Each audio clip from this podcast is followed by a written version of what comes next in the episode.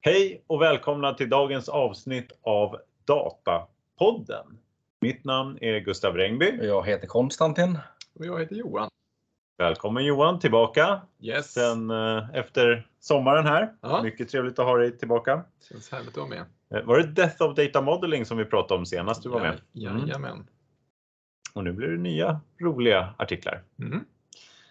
Eh, innan vi börjar, jag tänkte bara säga vad, lite grann vad formen på den här äh, podden är. Vad vi vill uppnå här och syftet och lite hur vi tänker. Eh, vi vill ju att ni som lyssnar ska få eh, lite omvärldsbevakning i den här branschen som vi är i, data och analys. Eh, vi gör det genom att vi tar ett par artiklar som har dykt upp i våra flöden och bland våra konsulter på Run of Forest och på andra ställen och eh, sammanfattar dem. Så först så sammanfattar vi, försöker vi sammanfatta vad de säger i artikeln och sen så ger vi lite spekulativa kommentarer och, och det, då, första delen är alltid att det är någonting eh, Ja, det är vad som står i En artikeln. seriös del helt enkelt. Och sen så finns det en lite mer oseriös del för att det blir lite roligt om man kommenterar så att det inte bara blir eh, torrt här. Framförallt lite mervärde. Det var det jag tänkte säga också. Mervärde. Ja, Vackert ord. mycket bra, mycket bra. Eh, och eh, vi har ju ett gäng artiklar att gå igenom idag också. Och vi tänkte att Konstantin, du får börja. Tack så mycket. Eh, Den 26 augusti så meddelade Databricks att Delta Sharing är GA, alltså Generally Available, på AVS och Azure. Eh, Och då hittade jag en artikel då från Databricks egna blogg här. Eh, Och detta knyter an lite grann till det jag snackade om förra veckan, Supercloud. Igen. Det var, jag är medveten om att jag nämnt ett par gånger här. Eh, och då, då talar vi lite grann om hur delning av data kan uppnås. Även sömlöst mellan molnplattformar och regioner genom att du har ett ovanliggande lager. Och Databricks svar på detta är genom att eh, införa en standard som är open source, som de kallar Delta Sharing. Eh, de har ju sedan tidigare då sitt egna tabellformat som är open source det också. Där man har tillgång direkt till de underliggande filerna som ligger på en, en data lake. Och dessa kan man då eh, behandla precis som om det vore en, en vanlig databastabell. Så nästa steg är ju då att man ska kunna dela den här datan med andra. Eh, och då på ett säkert sätt med, med till exempel kunder, med partners, leverantörer eller internt om man har andra plattformar och så vidare som, som ligger på andra, eh, på andra målleverantörer eller andra regioner. Och det här Delta Sharing det är ju också integrerat med Unit Catalog i Databricks. Där de bland annat kan få Role Level Security, Data Masking och sådär. Eh, men varför då Open Source kan man ju börja fråga då. Ehm, och det som går att utläsa är att Databricks vänder sig emot en inlåsning hos leverantörer. Man skulle kunna tänka sig att eh, vem som helst ska kunna konsumera datat oavsett vilken tjänst man använder eller region. Men så att säga, det är bra eller mycket enklare att skapa dataset om man då ska skaffa Databricks. Så det blir en, säger man piska eller morot? Det låter lite konstigt i mitt huvud, men jag tror, Ja. jag tror man säger det. Ehm, och det här Delta Sharing, det har varit i Public Preview i ungefär ett år. Och i artikeln nämns ett par företag som implementerat Data Sharing nu under den första perioden. Eh, Jag tänkte gå igenom några av de här bolagen. Det har vi bland annat Nasdaq. Eh, och de säger att this enables our clients to bring their own compute environment to read fresh, curated data with little to no integration work and enable us to continue expanding our data catalog of unique high quality data products. Eh, Med bland dessa finns även Shell som delar data med sina partners. Vi har SafeGraph som är ett eh, databolag. De, de säljer data som har eh, location based eller platsangiven data. Då. Eh, och de säger att as a data company, giving our customers access to our datasets is critical. Ja, det kan vi förstå. De säljer ju datat praktiskt taget. Eh, och sen säger de att the Databricks Lakehouse eh, platform with delta sharing really streamlines, streamlines that process, allowing us to securely reach a much broader user base regardless of cloud or platform. Sen finns även Jiptit, Jip, Jipit, Jipit Data. Eh, också ett databolag som säljer data med market research. Och även, jag gillar det här företaget, Pumpjack Dataworks. Väldigt coolt. Ja, ja. Liksom. Och eh, vad säger man? Data is the new oil. Det har jag verkligen tagit fasta på här. Eh, och de hjälper till att man ska kunna tjäna pengar på sin data, identifiera datasätt och kunna liksom få ut det och kunna sälja det till andra. Eh, men vi har ju tidigare diskuterat i podden kring användningsområden för data sharing, för det känns ju minst sagt hett. Liksom. Det är mycket som händer där kring data sharing. Eh, och jag tycker det känns mer och mer tydligt att, att många bolag ser nyttan med att faktiskt kunna dela sin data. Dels med sina partners, men även att man kan ta tillvara på möjligheten att har man väldigt bra högkvalitativa datasätt som man tagit fram för eget bruk ursprungligen, då kan man skapa extra intäktsströmmar genom att faktiskt erbjuda den här datan till andra. Eh, givet att man kanske avmaskar den eller gör den, anonymiserar den. Eh, så jag tänkte avsluta med en liten fråga som eh, knyter an till frågeställningen eh, SAS versus open source. Eh, när jag tänker open source så tänker jag automatiskt underhåll. Jag menar att arbeta med open source-produkter kan tillåta man att arbeta med väldigt bra tekniker. Men å andra sidan så kräver det att man har en organisation som kan ta hand om det här. Vad- säger ni spontant? Ja, precis. Det man inte köper liksom, som en produkt är ju klar och fin att använda. Det brukar bli mycket, Ja, men alltså, det mer finns inte experter liksom, och så vidare. Ja, och det finns ju inte. Betalar man ett bolag för att Mm. underhålla den, ja men då, då slipper man mycket med att med liksom hosting Mm. och eh, uppgraderingar och så. Det måste man ta hand om själv. Mm. Men det är väl därför du ska köpa Databricks då, för det är ju ett, en produkt ändå som Ja. bara använder alla open source-delar. Ja, där då har vi, då har vi och moroten. liksom paketerat. Ja. Liksom. Eh, ja, men, eh, intressant. Jag, jag tycker eh, det, det är intressant här. De har ju hittat de här pionjärerna då som uttalar sig Mm. eh, om hur de har utnyttjat den här data sharing-tjänsten. Då. Nasdaq känns väl som den som man känner igen mest av de här va? Och Shell, Shell förstås. också ja. såklart. Men nästan alla handlar om liksom, mjukvarutjänster egentligen och som har delat data med sina kunder. Mm. Egentligen. Det är det stora. Bara en kommentar här på Nasdaq. De har alltså en head, alltså han som uttalar sig här, William Day. Han är alltså Head of Alternative Data. Ja. Det är en väldigt alternativ titel. ja, ja, jag är helt ställd. Det- vad, vad, vad betyder det här? Jag undrar, han måste vara ensam om den titeln. Jag, jag tror inte jag har sett någon annan ha den. Jag har en kollega då som är head of Det borde ju finnas en de- definitive Är, den bara, Definitive data. är han bara head of data då eller är han head of regular data eller Ja, ja. liksom konventionell data? Eller?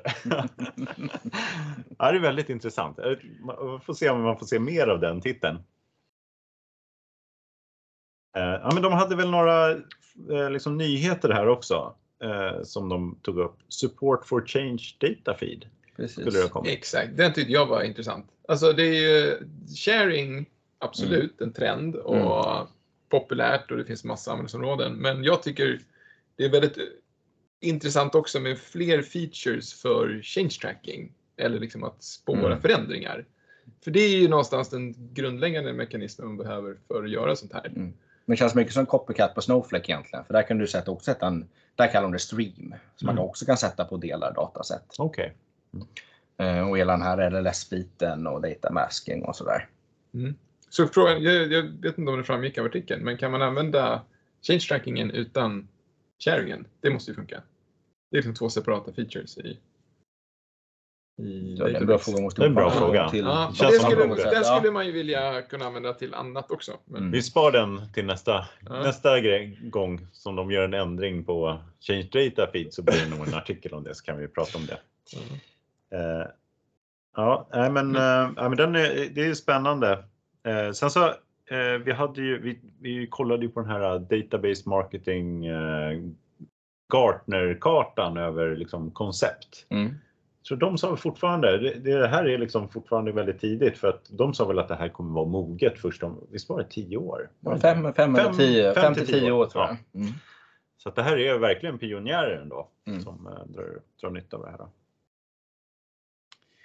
Och så hade de en till funktionalitet som eh, du Johan kanske uppskattar då, den här IP Access. Ja, alltså det är ju, det är ju bra. Ja, Men det är ju liksom fortfarande, alltså det, är- det är ju om man säger konventionellt då, att duplicera ut data för att dela det med någon. Mm. Vill säga Eh, kopiera. Ja, men man kopierar, man lägger ut, om man säger så här väldigt basic, man lägger ut det på en FTP eller liksom ut på en, någonstans, på, eller någonstans där det kan komma åt med ett API. Eller man, man liksom självkontroll över flödet om man duplicerar ut det. Det Snowflake, eller det Databricks gör här och Snowflake också gör med de här featuresarna är ju att man ska tillåta access till samma data. Det sker ingen duplicering här, utan det du gör är att du släpper in de externa konsumenterna till din liksom core data, Mm. din egen data. Och då tappar du ju möjligheten till skalskydd och andra säkerhetsparametrar. Utan du förlitar dig helt på molnleverantörens, supercloudets, Mm. features kring accessåtkomst. Mm. Vilket ur ett traditionellt säkerhetsperspektiv så klipper du bort en del Om säkerhetsparametrar. Om man sänker sig en lök då, Mm. traditionellt. Liksom. Mm. Då tar du bort en del lager där. Och det vet jag inte om alla kommer tycka är... Men kan man inte tänka sig att man lägger det där dataset man vill dela lite separat? Eller har man, har man tagit bort vinsten då? Jag vet inte. Då blir det ju, det skulle, jag, jag tänker att om man vill göra saker säkert, då vill man ju äga de här grejerna själv. Också kanske ur ett organisatoriskt perspektiv, om man nu ska dela en change feed eller sådär. Då kanske man vill också ha lite kontrollpunkter i den delningen. Och inte Mm. bara dela sitt interna flöde, för om det uppstår interna fel, då kanske man inte vill exponera dem instantly till sina konsumenter, utan man vill ha lite kontrollsteg på vägen och då kanske man inte vill använda dem. Då kanske man ändå måste bygga massa saker på toppen av det här och då Mm. kanske inte värdet av featuren är jättestor om man ändå måste liksom det är väl då skönt att in- slippa göra liksom API Ja. eller liksom den typen av grejer emellan. Du får ju fortfarande, du kan ju bara jobba i en databas Mm. eller ja, i en data lake då eller vad det nu är. Ja, eller att konsumenterna måste kopiera data själva först. Ja. Den vinsten Mm. oavsett, det blir ju mer att göra för providern så att säga, men konsumenten får det mycket enklare. Ja. I och med att de inte behöver ladda ner datat först individuellt. Det beror på vad de gör med det. Där kan man Mm. också tänka sig Ja. att om man som konsument litar på den här datakällan Mm. och sen så har man inte kontroll över vad som händer med den imorgon. Eh, då kanske man ändå vill säkra sin, eget, sin egen verksamhet genom att kopiera in datat Mm. så att man vet att det finns kvar och att det är som man läste det första gången. Mm. För att förtydliga för er lyssnare då också vad, vad vi har kommenterat. Nu kommer liksom, det är lite bakvänt. Där var alla argumenten kring IP Access. Men vad det Mm. rör sig om det är alltså att de har lagt till en funktion för att man ska kunna sätta så här, det här. IP-adressen eh, får, det är den här användaren, men den måste komma på den här IP-adressen för att den ska komma åt den här Precis. tabellen då. Precis, jag var lite snabb. Ja, du högg snabbt där. Att, eh, Men det är sant. inte- För det Ja. du gör här är ju så här, det här blir ju en publik endpoint. Ja. Som man då kan sätta lite skalskydd på och säga Ja. att vem som helst får inte connecta till den här endpointen. Utan det är Men- en specifik då. Ja. Men jag tänker att man kanske skulle vilja göra mer än det. De sa också att de hade gjort någon sån här owner-funktionalitet, att det är fler som ska kunna dela data. Det kanske också, nu om vi är inne här ur ett säkerhetsperspektiv så tror jag du kommer se rött kring det också Johan. Nej, men det är bara, det är inte Ja. fel. Nej. Det är bara att man måste vara medveten om liksom, Bra men dåligt. Eh, vi hoppar vidare då till, för nu blir det, nu kom, kommer du slå ett slag här för eh, säkerhetsaspekter. Ja, men så lite det i alla fall. dignar om Eh, det. vi hade väl eh, snappat upp lite sådana läsar eh, input. Mm. Vi borde prata Folk mer är intresserade om av säkerhet. säkerhet då, Mm. eh, kopplat till data. Eh, men som du sa inledningsvis Gustav, att vi har aktuella artiklar som vi recenserar i den här podden. Ja, Så har ju jag då läst en bok från eh, 89. Så den- kanske inte faller in liksom under den, det kravet att det ska vara en aktuell artikel. Men likväl då en vad jag tycker är fortfarande aktuell och intressant input. Eh, och du har ju länkat en artikel till en recension av den här boken, men jag har läst hela boken. Eh, och den heter då The Cuckoo's Egg, skriven av Det vad? The Cuckoo's Egg. Gökens ägg. Gökägget. Eh, en intressant titel som jag tänkte prata mer om sen. Men, eh, den är då skriven 1989 av en eh, herre som heter Cliff Stoll. Eller Stoll. Eh, och den är då en, en sann historia, så författaren själv är, är huvudperson i den. Eh, och den utspelar sig då på, på 80-talet. Eh, om man ska ge en kort, kort summary, utan spoiler då kanske. Eh, Så Cliff då, han är en ung akademiker, eh, tidigare astronom, eh, som har fått jobb då på Lawrence Berkeley National Laboratory Eh, i San Francisco, eller nära San Francisco. En del av, av eh, University of California.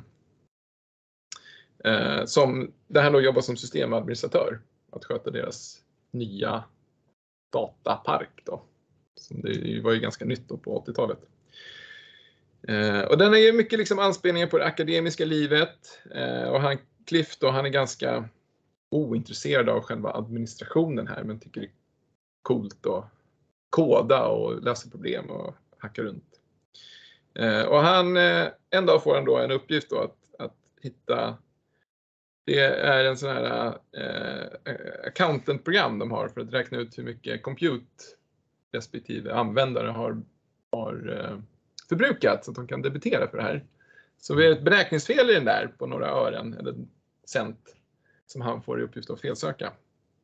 Och efter lite felsökning så inser han att det här är en eh, oauktoriserad eller eh, en, en icke tillåten användare som har varit inne i systemet och orsakat den här glitchen. Då. Och så börjar han då sin eh, felsökning som sen blir en liksom, jakt på den här eh, uh, intruden. Då. Um, och boken liksom då går in i en lite mer liksom spionliknande thrillerjakt då. Så, där han jagar den här eh, hacken då. Men det är liksom eh, vad som har hänt på riktigt. Det här har hänt på riktigt, eh, enligt uppgift i alla fall. Då. Mm. Eh, och han då försöker jaga den här personen, eller vad det nu är, som vet jag inte. Eh, och försöker ta hjälp av polisen, FBI, CIA, militären, liksom alla olika myndigheter som kan tänkas vara intresserade av att någon är inne. För han är, det här är ändå, han sitter ju på ett, ett akademiskt datacenter och inser att den här äh, hackaren då inne, kopplar sig vidare till andra militära system och, och, och stjäl då liksom amerikansk militär information. Så han tycker att det här är ganska allvarligt. Liksom. Men han får inte riktigt gehör från några myndigheter utan blir påhejad att fortsätta sin jakt själv men ingen vill riktigt ta ansvar för det här. Det finns liksom ingen, ingen juridik kring databrott och det är svårt att veta vem som äger det här i olika regioner och länder. Så han fortsätter sin jakt där eh, och hela boken är då liksom hans de olika sätten han liksom följer den här hackern och försöker ta reda på vem det är. Eh, så, och den utspelar sig liksom i internets linda kan man säga. Så det är mycket referenser till hur ett datanät funkar. Han sitter på ett Unix-system. Han pratar lite om liksom hur ett Unix-system fungerar. Eh, men ur ett så här enkelt perspektiv. Det är ju fortfarande en, en skönlitterär bok. Mm. Så att man kan ju läsa, man behöver inte vara tekniskt intresserad för att uppskatta den, tror jag. Det tyckte jag att den var intressant för att man får väldigt mycket sådana eh, det relaterar till mycket teknik. Liksom. Men jag tror att den kan vara rolig att läsa och spännande om man är icke tekniskt intresserad också. Mm. Men man får mycket referenser liksom, till hur internet eh, grundades och hur det såg ut i början och hur liksom, grundläggande datanät funkar. Eh, Och själva titeln då, The Cuckoo's Egg, är väl kanske mer idag relaterat. Alltså, på den tiden så fanns det väl inte riktigt någon terminologi för det här. Men idag kanske man skulle prata om en, en backdoor eller en trojan eller liksom någon som planterar kod i någon annans system via en sårbarhet. Liksom. Gök, en gök tar väl och lägger eh, liksom ägg i andra bon. Andra Precis. Ja, och låter andra fåglar eh, mata, Mata. ungarna. Ja. Och sen petar de väl ut de andra ungarna också? ja, så blir det bara en liten Ja, så det är en ganska fyndig titel. Liksom. Mm. Och han pratar liksom i boken om att han, han ser den här hackern som lägger sitt ägg då i de Mm. olika systemen för att eh, komma åt dem. Ehm, ja, och den filosoferar också lite kring eh, liksom, säkerhet mot öppenhet. Att det liksom alltid finns en motsägelse där i att göra någonting enkelt och användbart eh, innebär oftast att man då litar på användaren, att den inte gör några dumheter. Och så fort man inte litar på användaren längre och behöver bygga säkerhetsmekanismer så blir saker krångliga och svåra. Och en hel del filosoferar just om den där tilliten som man behöver ha. Och som internet från början byggdes mycket runt. Att man liksom kopplade bara ihop olika datanät med tillit att så här, men vi behöver samarbeta. Eh, Och det fanns inte så mycket säkerhetsmekanismer inledningsvis kring kontrollerat vad man fick göra och inte. Eh, Men många av de här grejerna, det är klart att den är ju den är 33 år gammal så att den är ju det, har ju hunnit hända en hel del på teknikfronten. Men ändå är det slående många grejer liksom, högaktuella fortfarande idag. Som en hel del grejer som liksom, han kommer på då i den här boken eller relaterar till. Det är liksom så här, användare som väljer alldeles för enkla lösenord som är lätt att slå upp i en ordbok. Eller man återanvänder samma lösenord i olika system. Eh, Man kanske mejlar lösenord till varandra i klartext. Man skriver ner dem i filer. Eh, System som är dåligt patchade. Systemadministratörer som inte har orkat eller prioriterat att lägga på senaste patcharna. Eller att man kanske inte, just av det här öppenhetsskälet, inte vill låsa in saker för att då gör det krångligt. Så att det är liksom, eller att ta bort konton när användare slutar. Veta att de har slutat och då ta bort dem i systemet. Det är mycket sådana saker som, som jag tycker är väldigt relevanta fortfarande. Mm. Som de liksom inser och utforskar i den här boken. Då. Ehm, så att, jag tänker inte spoila slutet då, men den är, jag tyckte den var läsvärd. Mm. Den funkade att läsa så här perm till perm som en skönlitterär bok. Men ger ändå mycket så här insikter och inblick i Mm. säktänk. Mm. Så att jag, jag, jag googlade runt också på recensioner och sådär. Den verkar ha fått ganska bra betyg fortfarande. Och det är många som recenserar den liksom, nu sent. Mm. 30 år senare, och läser den. Mm. Så att, eh, jag tycker den, jag skulle rekommendera den. Ja, ve- vem är det som verkligen borde läsa den här? Är det allmänt eller finns det någon i våran bransch som verkligen borde läsa? Ja, men jag tror att den är läsvärd för alla. Alltså speciellt om du är systemadministratör. Eh, så tror jag att den är superintressant. Mm. Eh, men eh, om man, om man också så här, inte är så, tycker det är så kul med säker teknik men vill få en lättsmält insikt Mm. Mm. så är den en bra bok att läsa för vem som Ja. helst i branschen. Eller lång. Eh, jag, jag vet faktiskt inte hur många sidor den var. Då var den bra. Har du lärt dig några Unix-kommandon nu när du har läst boken? Några nya? För det verkar ändå förekomma. Ja, Om man läser precis. artikeln så, Ja. eller den här reviewn så fi- återkommer det. Liksom, det står ju att det är sådana saker som är detaljer som är viktiga. både ja och nej. För, för att säga, jag noterade när jag läste, det där kommandot känner jag inte igen. Och så lärde jag mig det då, Mm. eh, inom citationstecken. Men jag kommer inte ihåg det idag. Om, du, om, jag, får läx, om jag får läxförhör på Ja. det. Men man fick en sån insikt, så här, det där har jag inte tänkt på att man kan göra. Ja, Av de här, för i eh, den här uh, reviewn då, som, Mm. eh, som vi har som här, eh, där, där tar de ju upp den här, en rejäl diger lista med vad som de gör fel. Mm. Är det någon av dem som absolut viktigast för Ja, analysdatabaser? men jag rabblade ju några här. Ehm, och det är så här, eh, vissa saker tror jag idag inte händer längre. Alltså, Mm. På den tiden kunde man lägga upp konton utan lösenord. Så att det bara liksom var fritt fram. Mm. Det kanske i och för sig går att göra om man lägger ut någonting på en, ett intranät. Ja. Som alla Mm. kommer åt. Det är väl i och för sig möjligt att göra idag också. Eh, Mm. Så nej, jag tror inte, det finns liksom inte något specifikt sådär som Nej. är riktigt generalfel. Utan det är så här, tänk på, det är, man måste tänka på alla de här grejerna. Mm. Eh, Men om man då kommer från analysområdet, Mm. vad- hur gör man en liknande då action thriller från vårat område? Ja, Finns precis. det något motsvarande eller måste man jobba med eh, den här typen av säkerhetsfrågor om man ska få en bra... För här var ju CIA och alla möjliga Ja, ja coola precis. Det grejer. var ju väldigt eh, Ja. spektakulära liksom, händelser i den här med olika myndigheter. Och, Mm. Mm.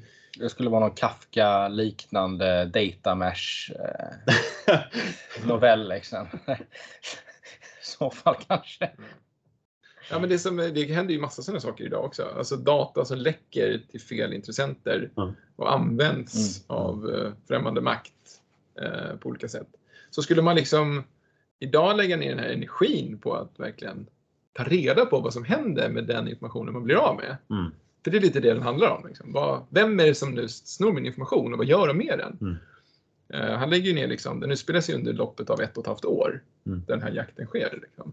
Och han jobbar i princip heltid med det Ja. Eh, så det är mycket jobb. Jag tänkte Minority Report är väl kanske lite i vårt område, lite så prediktiv analys där de eh, förutser saker. Ja. Så det kanske ligger lite i alla fall i vårt eh, område då Mm. annars om man skulle göra något liknande. Ja, några andra frågor, någonting annat? nej, Men det är värt att läsa. Ja, men det tycker jag. Vi hoppar vidare till eh, eh, Läkartidningen. Så det, vi fortsätter säkerhetstemat här. Eh, så finns det en artikel som kom ut den 12 augusti eh, 2022. Dalarna prioriterar vårdkvalitet framför GDPR.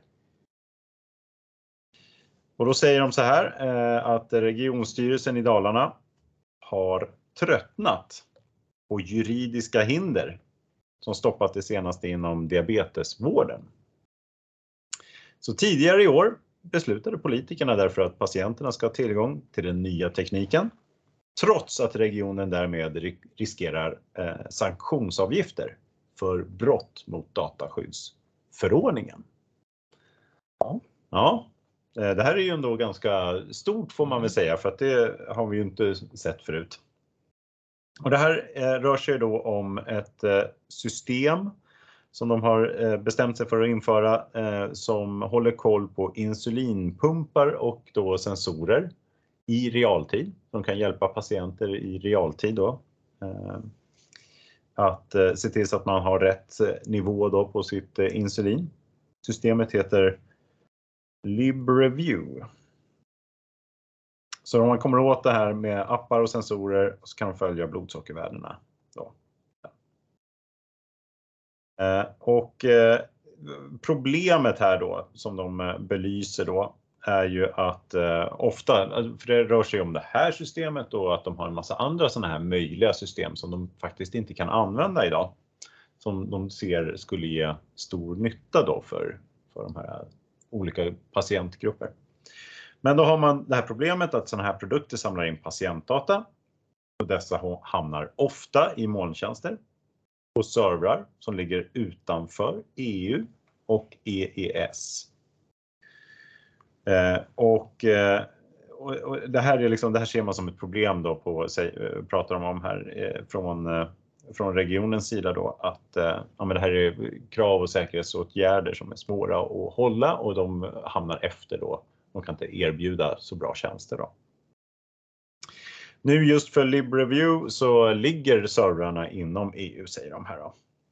Men om det är någonting som går knas så är den tekniska supporten i USA. Och det räcker att den tekniska supporten sitter i USA för då visas ju datat i USA och då är det utanför eh, EU EES. Så det är det de har liksom eh, pinpointat som att det här är egentligen mot GDPR och, men vi tar risken då.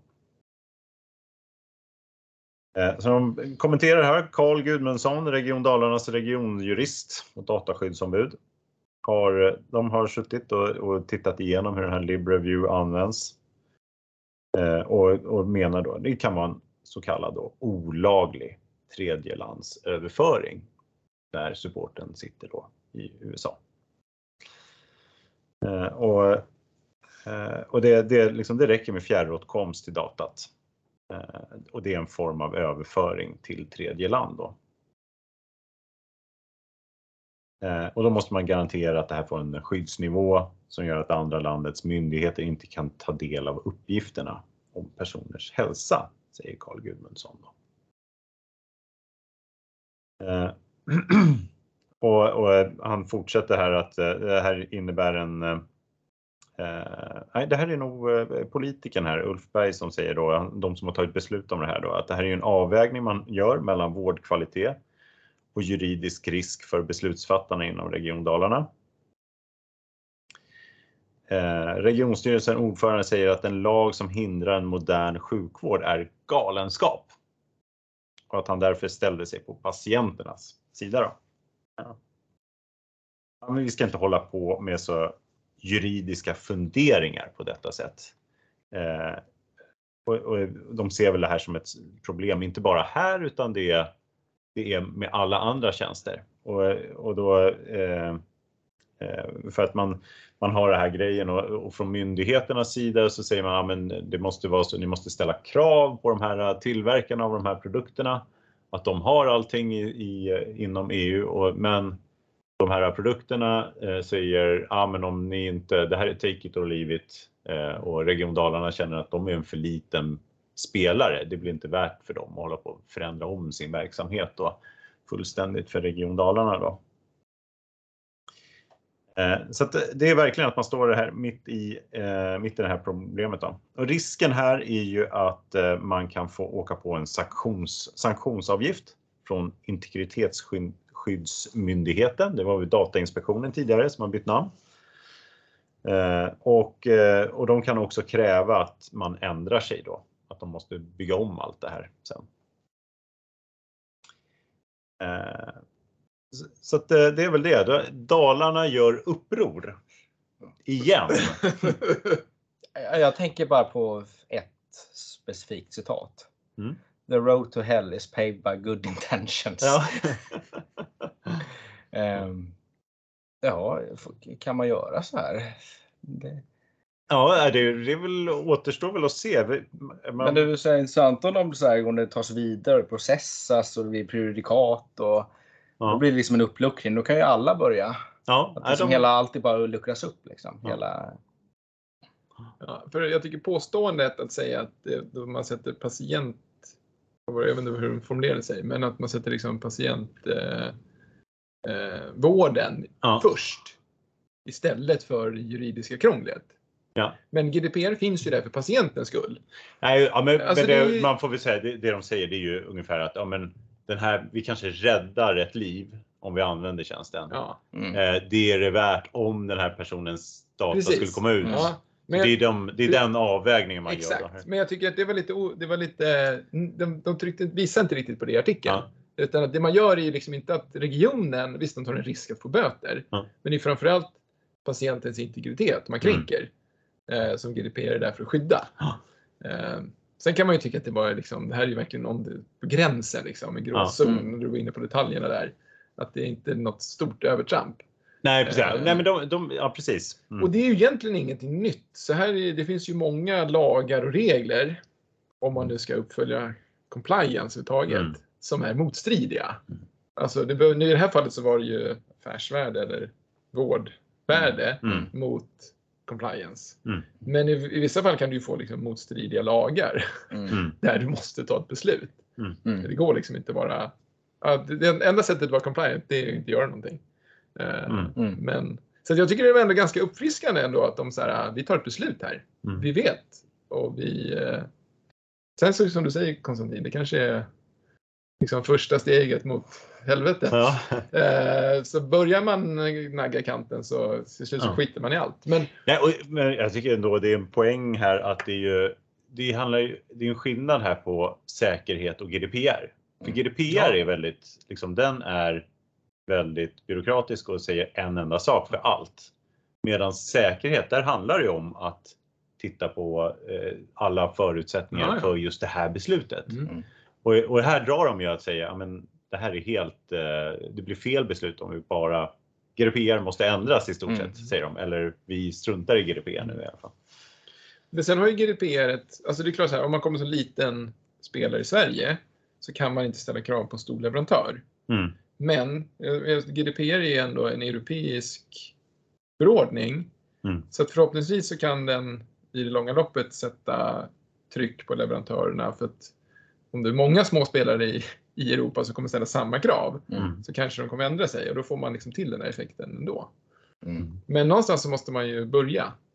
Då kanske man behöver göra den här typen av genvägar. Mm. Mm. Civil olydnad eller vad heter det? Ja.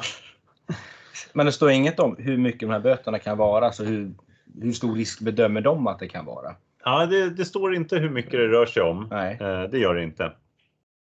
Eh, vi hade väl något fall här i Norrland där man gjorde någon sån här, eh, i skolan så hade de ju satt upp en sån här kamera som fotade alla som gick in i, i Mm. eh, klassrummet Mm. för att göra en sån här närvarolista. Det här var ju för något år sedan. Och då hade de ju pratat med Datainspektionen också innan de gjorde det och de gjorde det här som ett test. Eh, Så de hade, var tydliga med Datainspektionen att de skulle testa det här. För, och så tog man ett foto, istället för att hålla på och ropa upp alla i början Mm. av eh, klassen så kunde de ju... Eh, har ni, kommer ni ihåg Ja, den jag, artikeln? jag har inte jättekoll, men jag kommer ihåg att den här Ja. i nyheterna. Och, och de, eh, de åkte ju dit sen på att, eh, nej men det gör detsamma, för då hade de ju frågat också, alla skulle vara med på att det var okej att de testar det här i klassen för att se om, om de kunde spara lite eh, minuter där. Mm. Eh, men sen så fick de ju, trots att de försökte göra det här helt öppet så åkte de ju på ett par hundratusen i, eh, i en avgift då Mm. från Datainspektionen som sa att eh, nej, men ni kan inte fråga om, om eh, elevernas eller målsmans då, eh, ja, accept på att ni gjorde det här. För att de sitter i en position där de inte kan, eh, de kan känna sig tryckta till Ja, att, att ta det här Mm. och släppa igenom. Det där var ju ett par hundratusen och Mm. de försökte ju verkligen spela med och göra allting Mm. rätt men de fick ändå eh, bota då. Men kan det vara rimligt att tänka då att den stora risken här är att de får lägga ner allting? Alltså det är den stora Ja. monetära Ja. eh, risken att Ja, att snart de får bygga om och sen, men de Ja, men det är inte, kostnad. men, ja, precis, men En att det inte också. boten som är liksom det stora hotet. Nej, utan det det kanske mer att de bara får lägga ner det. Nej, det vore ju taskigt om, om hela Region Dalarna konkurs. det, det känns ju taskigt i alla fall. Vi hoppas att det inte blir så i alla fall. Nej. Eh, ja, men vi, man märker ju det när man pratar med kunder och sådär. Offentlig verksamhet är ju hårdast på att följa dessa regler också. Mm. För att det här, vi pratar GDPR och de drar ju slutsatsen att vi kan inte gå upp i molnet. Medan vi har i stort sett alla privata organisationer har gått upp i molnet.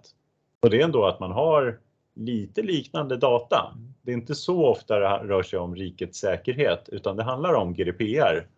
Eh, och sen så har man lite andra regler om eh, patientskydd och sånt där också. Men det är mycket eh, GDPR som man drar slutsatsen att det här, det här går inte att lägga i målet. Och egentligen är det en stor skillnad här i att ja, offentlig verksamhet är ju byggda som byråkra, byråkratier som är liksom hårt reglerade. De ska alltid följa sina egna regler för att annars så finns det risk för korruption och sådär. Mm. Så egentligen kanske det bara är en fråga om, eh, här tar politikerna ändå in och säger ja, men nu tar vi en risk här.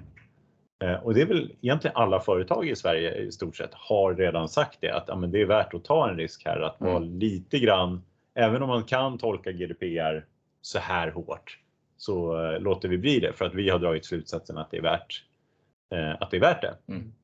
Men det här är sista liksom bastionen där man inte, där man är mycket hårdare på att man ska följa reglerna i- för att det ligger i ens natur att göra det för att Mm. undvika en massa andra då problem som korruption och, och att det liksom är de här offentliga verksamheterna. Ja, men vad tror ni då kommer hända? Kommer de åka på en fet bot här? Ja, risken är väl större när man går ut i tidningen och berättar att man har brutit mot lagen. Ja. Helt klart. Precis, man kan väl Ja. anta att de kommer bli utredda i alla fall. Ja, ja. Ja, efter det här. Mm. För annars tycker jag tillsynsmyndigheten gör ju inte sitt jobb om de inte skulle utreda dem Nej. efter den här nyheten. det, De vet till och med om, eller de räknar med att de gör fel. Ja, och de går ut och säger det i Ja. media. Eh, Ja. Så eh, vi får väl anta att eh, det blir en utredning. Ja. Men det man hoppas på ska hända är ju att leverantören här kan fixa det här, Mm. tycker jag. Mm. Alltså om man nu är en stor global leverantör så är ändå Europa en ganska stor marknad. Så Mm. att, Ja, det måste Att- finnas många fler ca- cases som är liknande som ska kunna Exakt. vinna och bara eh, justera så här. att, eh, att det finns ett business case för leverantören att Ja. bli compliant. Så att man kan få kunderna i Europa. Mm. Ja, det gäller ju att det går att bli det, för det är väl en fråga här om, ja men du kommer ju alltid ha det att så fort du har ett eh, liksom, amerikanskt bolag eller något annat bolag som inte ligger i EU. Mm. Det, det, det är lite grann, de blir ju omöjliga, de kan inte ens konkurrera på våran, eh, på våran marknad.